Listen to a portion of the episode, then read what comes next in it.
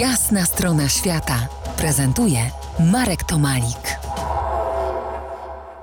Moim gościem pozostaje Monika Lewicka, 7 lat w podróży w ponad 70 krajach na pięciu kontynentach. Monika propaguje podróżowanie etyczne i empatyczne. Moniko, częścią podróży są powroty. To bardzo nielekki ich fragment. Ściska żal, że coś się kończy, lekko przeraża kierat, z którego nie tak łatwo było się wyrwać, wyskoczyć, ale jeszcze trudniej będzie się tam z powrotem wpasować. Jak sobie radzisz z powrotami? Tak, one nie są łatwe, ale z drugiej strony ja często wracam z nową energią, wracam podekscytowana, wracam jeszcze bardziej głodna tego świata i bardziej zmotywowana, żeby coś robić dobrego. Nie tyl, jakby mam wrażenie, że mogę tutaj myśleć, od razu przychodzi na moją na myśl powrót z ostatniej podróży, z której wróciłam w grudniu. Która natchnęła mnie do tego, żeby robić więcej rzeczy bezinteresownie. E, mimo tego, że jestem ciągle przecież busy, ciągle zajęta, a jakoś mam wrażenie, że że, że każdy taki powrót dodaje mi, dodaje, daje mi takiego kopa energetycznego, żeby, żeby robić więcej. Ja na przykład bardzo mi zależy teraz na tym, żeby. Właśnie dla mnie to nie jest trudne, Marku, wiesz? Jakby no ja dobrze, mam wrażenie, że powiedz, łatwiejsze. Ale powiedz, czy to się konkretnie przekłada, zdobywasz doświadczenia.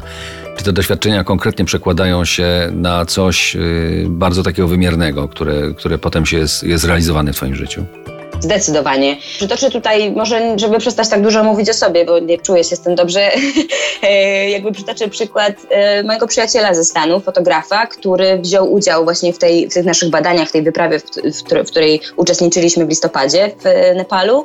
I ten pan wyszedł z pomysłem, czy, czy miał pomysł, który jakby zostanie na, będzie miał skutki długo, dużo bardziej długotrwałe niż tylko ta podróż. Generalnie sytuacja w Nepalu jest taka, że jeżeli ktoś jest, e, pochodzi z gór i chce zarabiać pieniądze pracując w górach jako przewodnik, jest to bardzo długa droga. Nie tylko długa, ale też bardzo dla nich kosztowna, więc oni muszą tak, po pierwsze nauczyć się języka angielskiego, żeby to zrobić. Oni muszą, zna, oni muszą znaleźć się w Katmandu, muszą opłacić sobie kurs, muszą oprócz kursu opłacić sobie y, zakwaterowanie i jedzenie i ten dla nich koszt robi się w tym momencie horrendalny.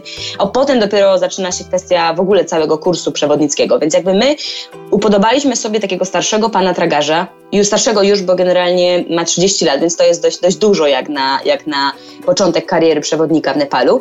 I po prostu przez to, jaki ten, te, jak, jak nasza relacja wyglądała z tą osobą, nie mieliśmy wątpliwości, że chcemy tej osobie pomóc i pomagać i spotykać się jakby w przyszłości, więc Bill wyszedł z 64-latek ze Stanu, wyszedł z takim pomysłem sam od siebie, po prostu w trakcie trwania podróży, a może my po prostu będziemy go wspierać finansowo, żeby on dostał się na ten kurs.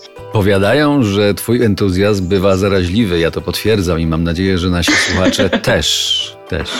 Przypomnę, naszym gościem była entuzjastycznie nastawiona do świata Monika Lewicka, jedna z tych, które z pasji podróżowania uczyniły swoją pracę. Dziękuję Ci, Moniko.